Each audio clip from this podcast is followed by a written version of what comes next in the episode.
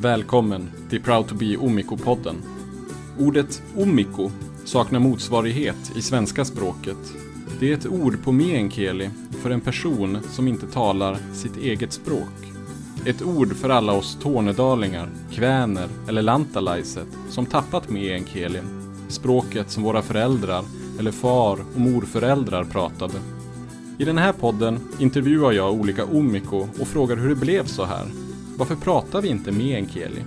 Kan vi vara tornedalingar, kväner eller lantalaiset utan att tala språket? Och vad väntar för minoritetskulturen efter den stora försvenskningen av Norrbotten? Mitt namn är Daniel Fjällborg. Välkommen till Proud to be Omiko. Dagens Omiko är tornedaling.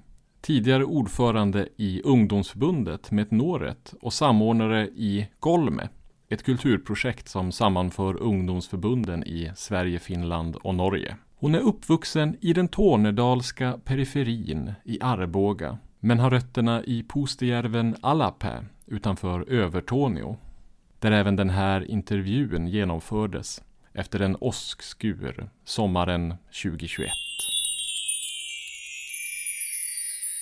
Så, hej Hanna Ivy. Nej men hej. Välkommen till Proud to be Omiko-podden. Tack så mycket. Vi sitter ju här i, vad kallade ni ditt hem här för? Um, på Siervenalanta. Utanför Övertorneå. Ja, precis. Och det har just varit en riktig åskskur och Ja. öst ner regn. Äntligen. Det har varit 30 grader i en vecka så jag har bara gått och väntat på det här. Ja. Vi kommer ju nu i den här podden att prata ganska mycket om meänkieli. Mm. Så jag tänker börja med en ganska stor fråga. Det är egentligen vad betyder meänkieli för dig? Ja, det är ju som, det är en stor fråga. Men eh, när man inte kan språket, som jag då, då blir meänkieli någon form av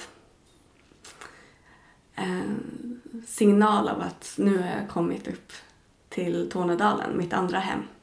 Att nu har jag kommit hem och det är här det gäller. Liksom.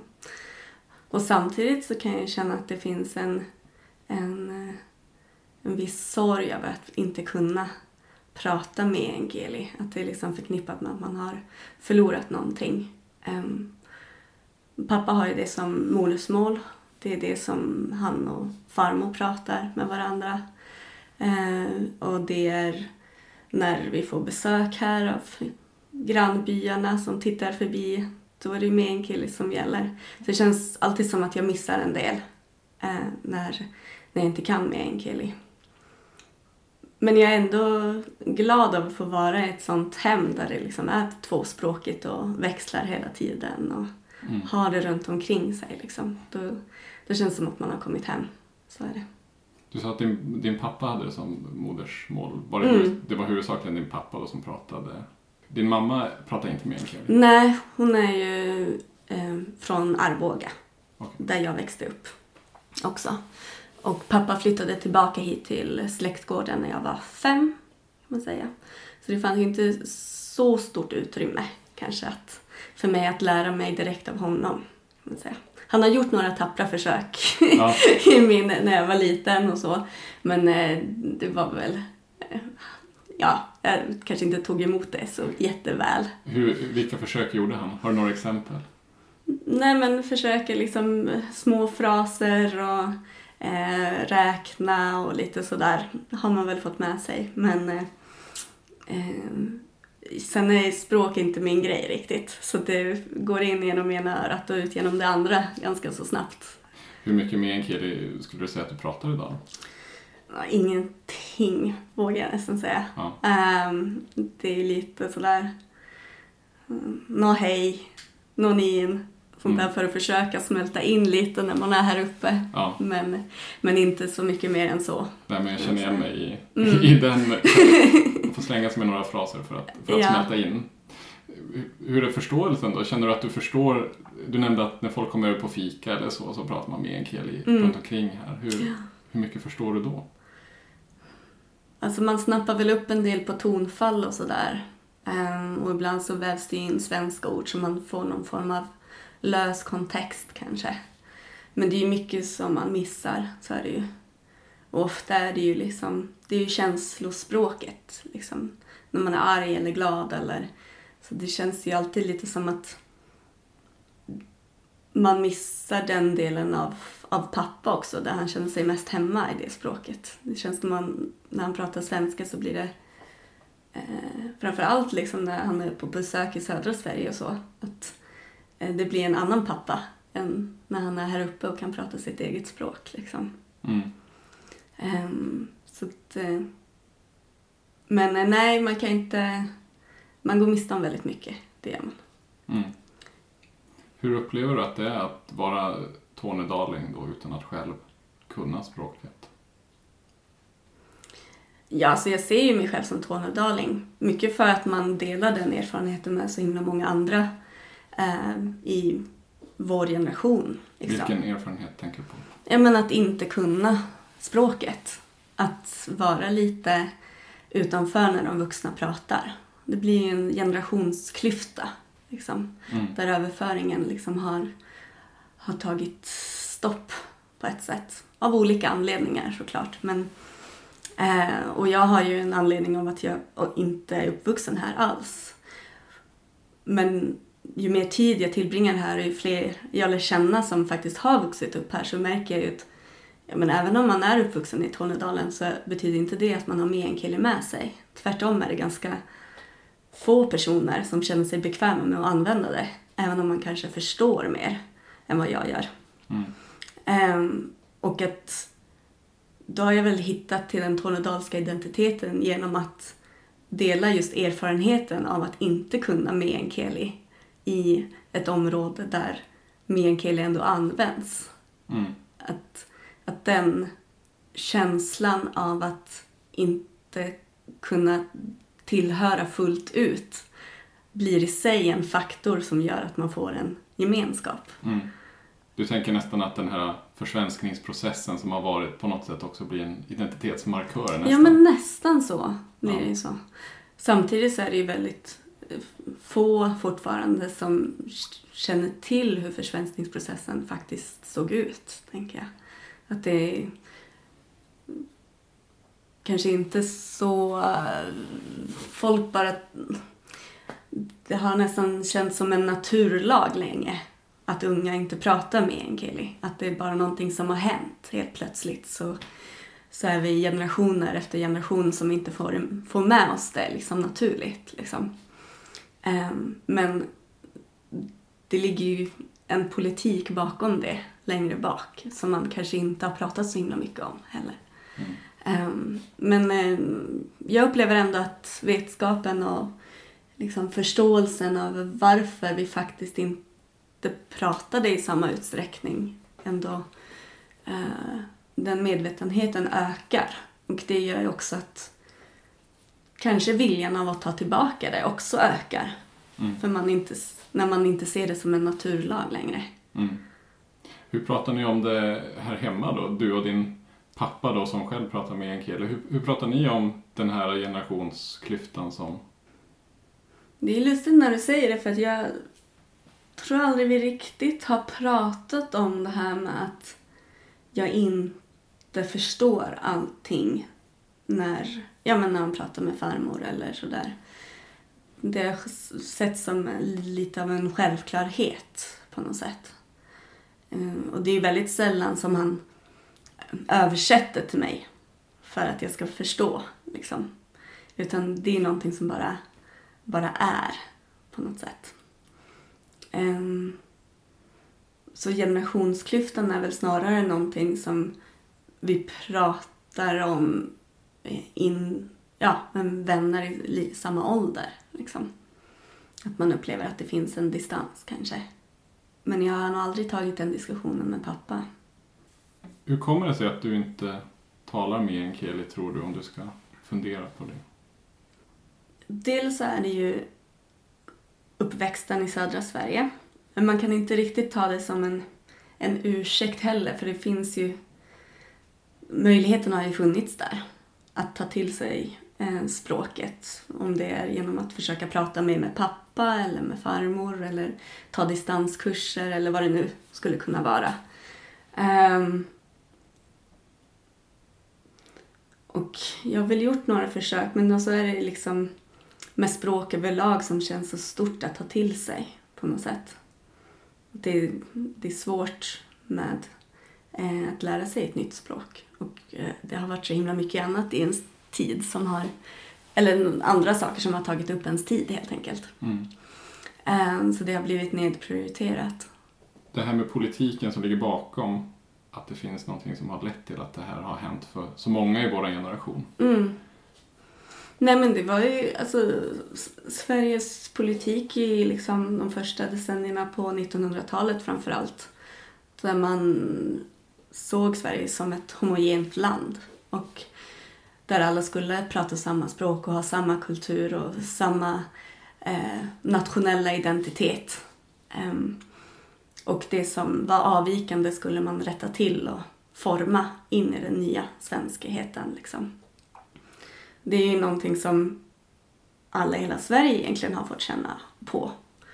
Um, om det är ett, ja, ett standardisering av språket och dialekterna skulle inte höras och det skulle vara en rikssvenska som lärdes ut i hela Sverige egentligen. Men det blev ju som extra tydligt här när man har en befolkning som pratar ett helt annat språk och har en helt annan kultur. Um, så det tog ju hårdare på de som var extra avvikande. Um, och att man skambelade språket och det var inte svenska och det var inte finska utan det var liksom det där vakuumet någonstans emellan som inte riktigt eh, man kunde kapsla in så på en inom de här kategorihetsen som rådde. Um, ja, skambelade det här språket mm. för att det inte passade in i någon mall. Um, och jag förstår liksom att det är ett litet språk. Det används väl framförallt liksom här uppe i Norrbotten. Och vart kan man ta sig egentligen om man lär sig meänkieli? Ska man inte lägga krutet då på att lära sig svenska ordentligt eller finska ordentligt? Um, och också att man på 60-talet trodde väldigt hårt på att barn blev halvspråkiga om man lärde dem flera språk. Ehm, så det har ju kommit i vågor liksom eh, att meänkieli liksom fick statusen som ett icke-språk som inte var nödvändigt och som inte behövdes.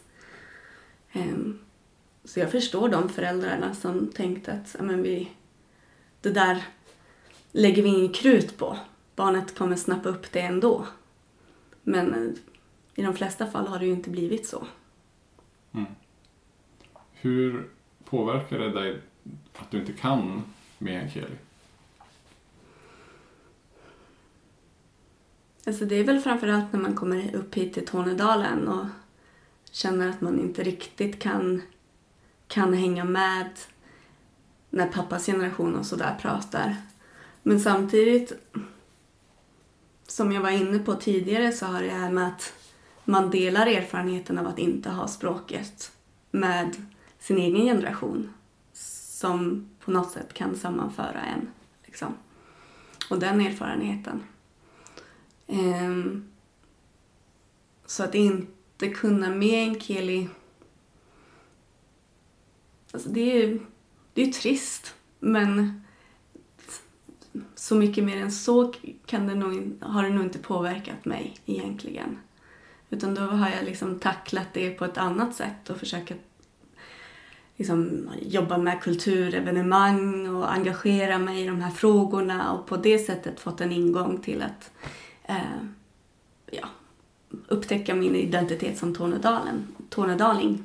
Mm. Eh, och också förstå pappas drivkrafter bättre. Han har ju länge varit aktiv i de här frågorna. Um, och lämnade mig och min mamma i södra Sverige för att han, in, för att han verkligen ville bo i Tornedalen. Liksom. Hur, hur kan man lämna en familj för att ens identitet är så stark? Liksom?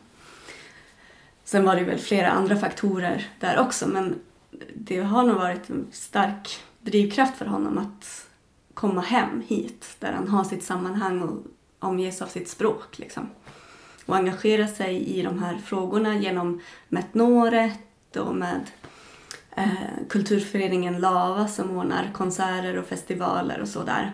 Mm. Det har ju lett till att jag förstår vad det där sammanhanget betyder. För jag har också fått det på mina premisser nu. Mm. Även om jag inte har språket. Ja, du nämner att du har ändå tagit till dig den tornedalska identiteten på något sätt genom att göra de här andra sakerna Mm. som du nämnde. Har du något tillfälle, när du- något tillfälle när du känner att nu är jag, nu är jag riktigt, nu är jag på riktigt tornedaling här? Ehm, ja, vad skulle det kunna vara? Nej, men det är ju när man går omkring på Pajala marknad och kan liksom eh, hälsa på folk som går förbi för att de vet vem man är. Att man, eh, folk känner till att ja, men det här är Johanna Aili. Hon är aktiv i Metnoret och hon har gjort det här på Tärendeholmen och hon har synts i tv på den här grejen. Och, sådär. Att man känner att nu får jag också vara en del av den här gemenskapen på något sätt. Men det är mest det här med att vara engagerad då på olika sätt i organisationer och evenemang och så som får dig att känna tillhörighet då? Ja, det kan man säga. Ehm, men det engagemanget började ju också med att jag började ta upp kompisar hit.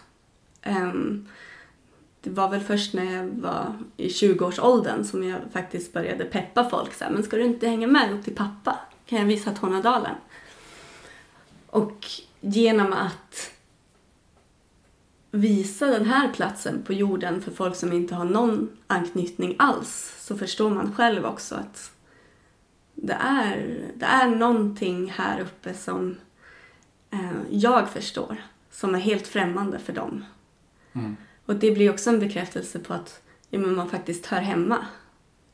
Ehm, för jag kan förklara hur man ska elda bastun och hur man ska eh, tvätta sig ur baljor och hur man ska gå i skogen här omkring och på ett sätt som de från södra Sverige inte har någon relation till alls. Men om du tar hit kompisar då från södra Sverige, vilka frågor dyker upp för dem?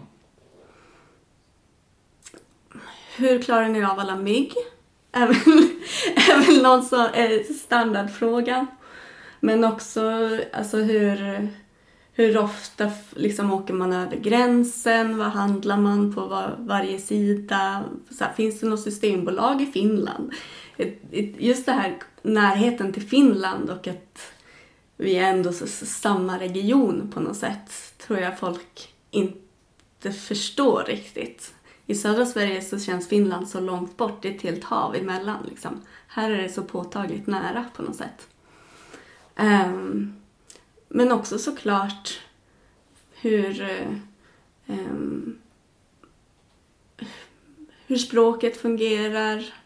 Eh, och det är ju ofta sånt som jag inte då kan, kan ge några raka svar på eftersom att jag inte pratar det själv eller kan någon grammatik eller något sånt. Men, eh, eh men ofta är ju folk fascinerade över hur man, hur man kan leva så långt norrut med de mörka vintrarna och de ljusa somrarna och oj, det renar på vägen. Mycket sånt. Mm. Mm. Hur känns det att vara så exotisk? Det är lite kul tycker jag. nu när jag studerar också nere i Lund så har jag eh, internationell klass också med folk från ja, Europa framför allt. Då blir det ju nästan snäppet mer exotiskt att ha rötter här uppe. Så är det ju. Och det jag berättar gärna. Och när man heter Aili i efternamn också så har man ju blivit van vid att förklara. Typ, nej men, jag har en pappa i Tornedalen där är ett annat språk. Vi har en stor släkt där uppe. Och, eh, det är verkligen... Jag är glad att pappa liksom, och mamma bestämde att ja, men, Hanna ska heta Aili. För det har också gjort att jag har fått, ehm, fått förklara varför, varför egentligen. Mm. Mm, att de inte försvenskade eller att jag tog min mammas efternamn. intressant för jag har också den här erfarenheten av att bjuda upp vänner från Mm. södra Sverige. Eh, och för mig har det ofta resulterat i att jag har fått berätta platsens historia väldigt mycket. Mm. Är det något som dyker upp för dig eh, när folk frågar om bakgrunden för Tornedalen och så vidare? Och vad säger du då? Ja, en, en del om platsen historia får jag absolut. Eh, och då är det väl mycket den här gårdens historia. Liksom hur ja, men, farfar var dräng, han kom hit som fosterson. Han fick köpa loss gården från sina fosterföräldrar. De har haft nästan själv hushåll här liksom med, med djur och så. Och jag tror att hela den, om jag jämför liksom med släkten på mammas sida som till stor del är akademiker, um, liksom även mormor och morfar, så blir kontrasten så himla stor att samtidigt så arbetade min farfar som dräng eh, på en gård uppe i Tornedalen samtidigt som morfar gick på läroverket i Stockholm. Så det blir en tillbaka flash på hur Sverige har utvecklats och sett ut eh, längre bak i tiden. Liksom. Den där gammel, gammel-Sverige är så mycket mer närvarande här uppe, tycker jag. Men sen så dyker det ju upp frågor som så här, men varför pratar inte du med enkeli? Och så får man berätta, så, men det fanns arbetsstugor och man fick inte prata med enkeli i skolan. Och, um, då blir det genast mycket mer personligt liksom med, liksom, um, med pappa som hade, hade det svårt i skolan, en farmor som var på arbetsstuga och då blir det liksom det här, farmor brukar ju inte prata om det här eh, särskilt mycket. Jag vet när vi hade eh, när vi satte igång hela processen med sannings och försoningskommissionen tillsammans med STRT eh, så, så försökte jag liksom nysta i det här för att jag visste ju att hon hade varit på arbetsstuga. Eh, men eh, för henne var det som ingen grej riktigt. Eh, jag tror hon, hon, hon har ju alltid tyckt det var lite konstigt att jag har jobbat med de här frågorna. För för henne är ju Tornedalen och meänkieli inte riktigt någonting som man ska jobba för. Även om min pappa har varit väldigt aktiv i de här frågorna. Liksom. Och eh, jag tror hon trivdes bra på arbetsstugan. Jag tror hon hittade sin plats där. Hon blev väldigt duktig på hantverk som hon har kunnat försörja sig på till viss del tillsammans med jordbruket. Och, så för henne har det nog inte varit den där traumatiska upplevelsen utan det var ja, det, det blev så. Det är väl inget att prata om. Jag fick lära mig bra svenska. Det var väl bra. Mm. Lite den eh, attityden så. Och, men sen för pappa som kanske har hört andra historier liksom som farmor har berättat tidigare så vet man ju liksom hur de, ja, de fick inte liksom lyssna på någon musik från Tornedalen och sådär och hur det var någon Um, hon berättade här bara för, för någon dag sedan att det var någon spelman som bodde i byn. Så på rasterna så kunde de smyga ut under hans fönster och så brukade han spela för dem. Utan att de blev upptäckta av, av lärarinnan på arbetsstugan. Liksom. För att få till sig lite av den tornedalska kulturen. Så. Sen är pappa en väldigt bra berättare så att eh, vi får se om det är mycket korn av sanning det finns i det där. Men, eh, men det som hon berättar för mig är ju att det var, det var bra att jag fick gå på arbetsstuga. Så är det. Men det låter lite grann som att ni har haft eh, lite av en dragkamp då inom, inom familjen på något sätt. Om det är värt att jobba för meänkielin och Tornedalen eller inte. Mm. Ja, men lite så kanske. För mig var det ju någonting som bara rullade på. Det var när jag pluggade socialantropologi i Göteborg som jag ens fick upp ögonen för att det fanns nationella minoriteter och att jag faktiskt tillhörde en av dem. Även om pappa liksom under hela min uppväxt har pratat mycket om Tornedalen och språket och hur han har jobbat för det liksom, så var det aldrig någonting jag förknippade med att jag också kunde identifiera mig med. Men när man började läsa på och liksom jag tog ett eh, studieuppehåll ett halvår och flyttade upp hit till pappa. Det var liksom första gången jag kom upp utan att ta en returbiljett ner. Och faktiskt tog mig tid att liksom kolla, men vad är det som händer i Övertorne? Och så var det någon... Eh, det visade sig att det var en syssling till mig som hade liksom lite gympapass inne i Övertorneå. Eh, som jag började gå på och lärde känna henne mer och hennes vänner och började liksom upptäcka att gud, jag har ju ett sammanhang här. De vet vem jag är genom att jag heter Ailig, får en naturlig plats. Um, och det, det där studieuppehållet gjorde att jag sen bestämde mig för att skriva min C-uppsats i hur just människor, eller ja, eh, folk i min generation ser på den språkrevitaliseringen som, eh, som ändå är på gång eh, mm. och har varit på, på gång länge. Mm. Liksom. Men som ändå eh, kämpar mm. i mångt och mycket. Liksom. Och hur unga ser på att ja, ha ett språk som man kanske inte behärskar. Vill man ta till sig det? Är det någonting man kämpar för eller är det någonting som man låter, som jag prioriterar bort för att mm. det finns annat som kommer i vägen liksom. Och på den vägen lärde jag känna till att det fanns ens Metnåret. Det var ganska nystartat då.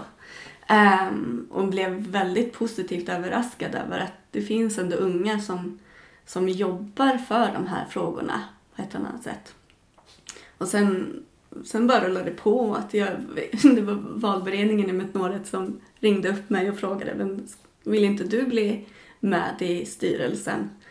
Och det var ju så här, men va? Jag? Jag kan ju inte med en kille. Jag, jag har ju aldrig bott här uppe egentligen. Och, och de bara, nej men det är lugnt. Det är ju många som har den erfarenheten.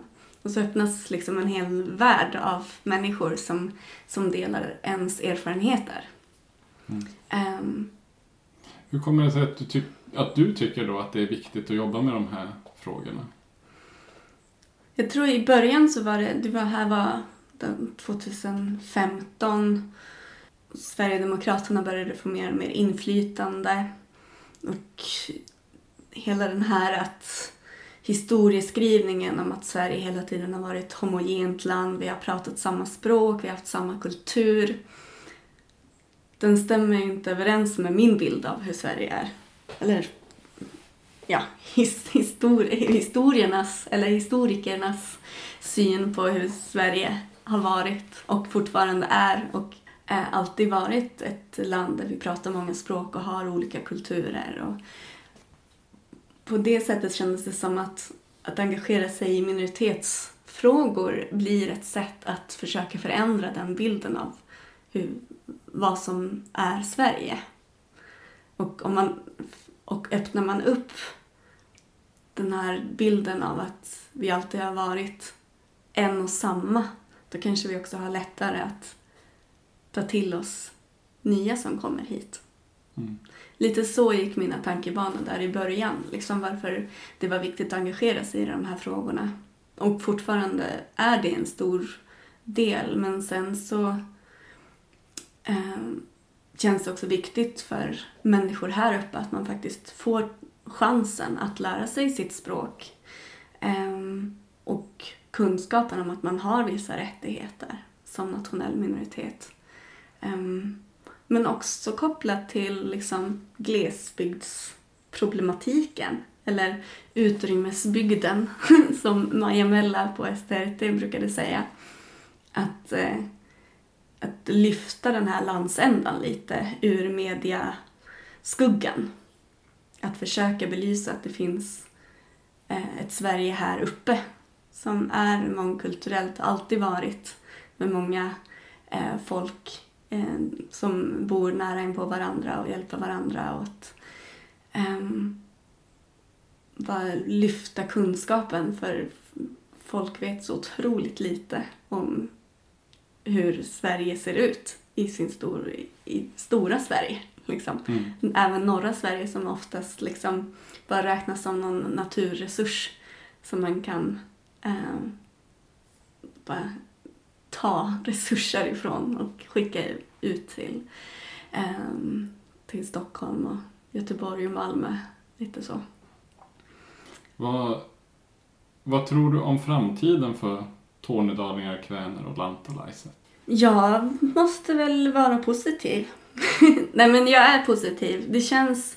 Jag vet inte om det är för att jag nu engagerar mig mer i de här frågorna. Jag träffar andra som också driver och brinner för, eh, för vår kultur. Och så är det väl med alla frågor. Har man människor omkring sig som jobbar med samma sak så känns det lite som att man har medvind. Jag senast hörde jag liksom att det var min pojkväns kollega hade tornedalska rötter och hade eh, fixat så att hennes dotter nere i Skåne fick lära sig meänkieli på distans. Um, så det känns som att, ja men visst, det, jag tror det brinner, liksom puttrar en större och större stolthet av att man, um, man har rötter här uppe, att det finns någonting som är värt att bevara i språket och kulturen. Och att um, det liksom gör att man sticker ut lite också. Att eh, man, eh, man trycker på att man har kanske en lite annan historia än, än andra. Att, och alla har ju sin unika historia, så är det, oavsett varifrån man kommer. Men historierna här uppifrån är det oftast, är det få gånger man hör bara titta på vilka som får prata i sommar i P1 så ser man liksom vart, vart majoriteten av historierna kommer ifrån. Liksom. Du har inte hört så många meänkielitalande sommarvärdar? Nej, nej det, det är få. Det var väl. Jag upplever i alla fall att det finns en, en stolthet ändå. Visa upp var man kommer ifrån och att man börjar prata om det. Och det märkte jag liksom när jag jobbade i Nyköping också. att Um, då var jag som mest aktiv i Metnoret. Vi liksom lanserade att det skulle bli en förstudie med, eh, kring försvenskningsprocessen i Tornedalen och jag började prata om det här på jobbet och plötsligt upptäckte jag att ja men Kjell Tavo är ju också härifrån och Mikael Palo är ju också från Tornedalen.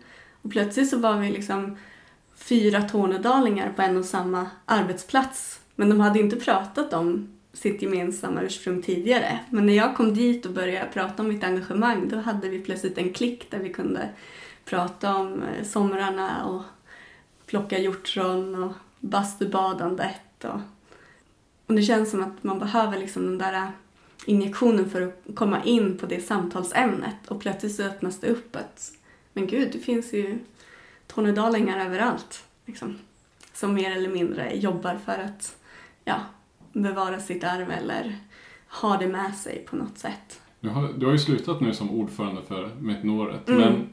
men eh, du fortsätter ju att jobba med de här frågorna för, för minoriteten. Vad vill du göra framöver? Alltså för mig som Umiko så har ju liksom musiken varit en stor hjälp till att liksom ändå känna att man tillhör på något sätt. Och det är väl att lyfta olika kulturyttringar här i Tornedalen och i Malmfälten eh, som jag känner att jag vill lägga min energi på. Jag tror att det kan bidra också mycket till eh, att skapa en starkare gemensamhetskänsla också över den här klyftan eh, med prata eller inte prata med en Keli. Så finns det någonting i musiken som alla kan relatera till. Mm. Man förstår utan att kanske förstå varenda ord. Så har man ändå någonting där som slår an en sträng hos en på något sätt.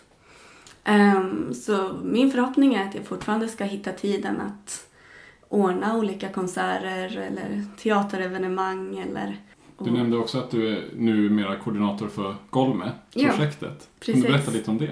Jo, det är ett eh, treårigt projekt eh, som Metnoret har tillsammans med eh, Kväninoret i Nordnorge och eh, Karjalaiset Noret i, i Finland eh, med stöd av eh, Nordisk kulturkontakt. Eh, och tanken är helt enkelt att de här, vi unga minoritetsförbund helt enkelt ska få en chans att träffas och utbyta erfarenheter. Um, För det är ju så att minoritetsfrågor är ju aktuella, ja, i stort sett hela världen så finns det eh, minoritetsgrupper som jobbar för att få sin röst hörd och få eh, bevara sitt språk och sin kultur. Och det är lätt att glömma bort just, vi är ju minoritet för att vi är få. och då, eh, då kan det ibland kännas lite ensamt. För man, man kämpar på i sitt hörn på något sätt.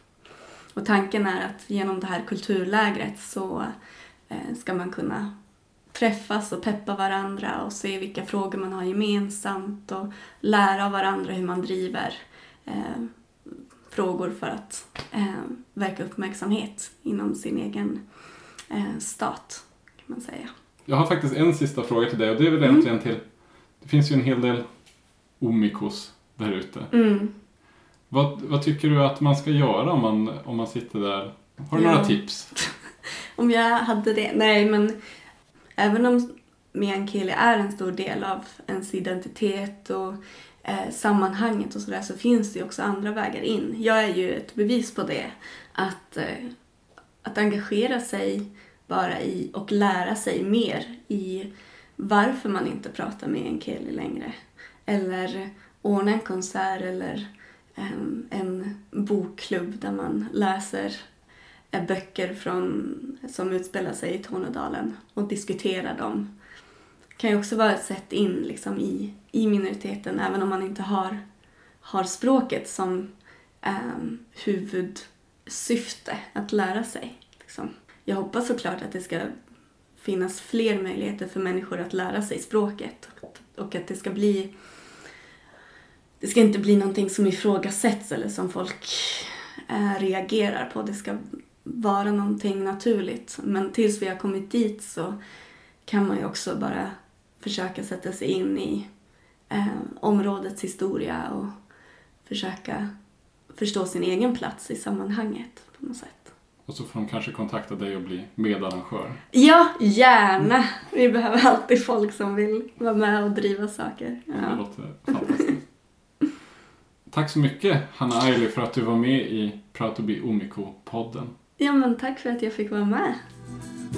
Tack för att du lyssnat på Proud to be Omiko-podden. Följ oss gärna på Instagram för uppdateringar om nya avsnitt. Eller besök vår hemsida www.omiko.se. Proud to be Omiko gjordes med stöd av Svenska Kväner Lantalaiset, en dotterförening till Svenska Tornedalingars riksförbund, Tornion Laxon Laiset. Musiken ni hör i bakgrunden är Vi är också här Ollentale med Gammal. Teknisk support och design gjordes av Martin Lindvik. Mitt namn är Daniel Fjellborg. Så rösten av det glömda folket Vinden stämmorna bär Genom dal över fjäll så ropar vi att vi är också här holländare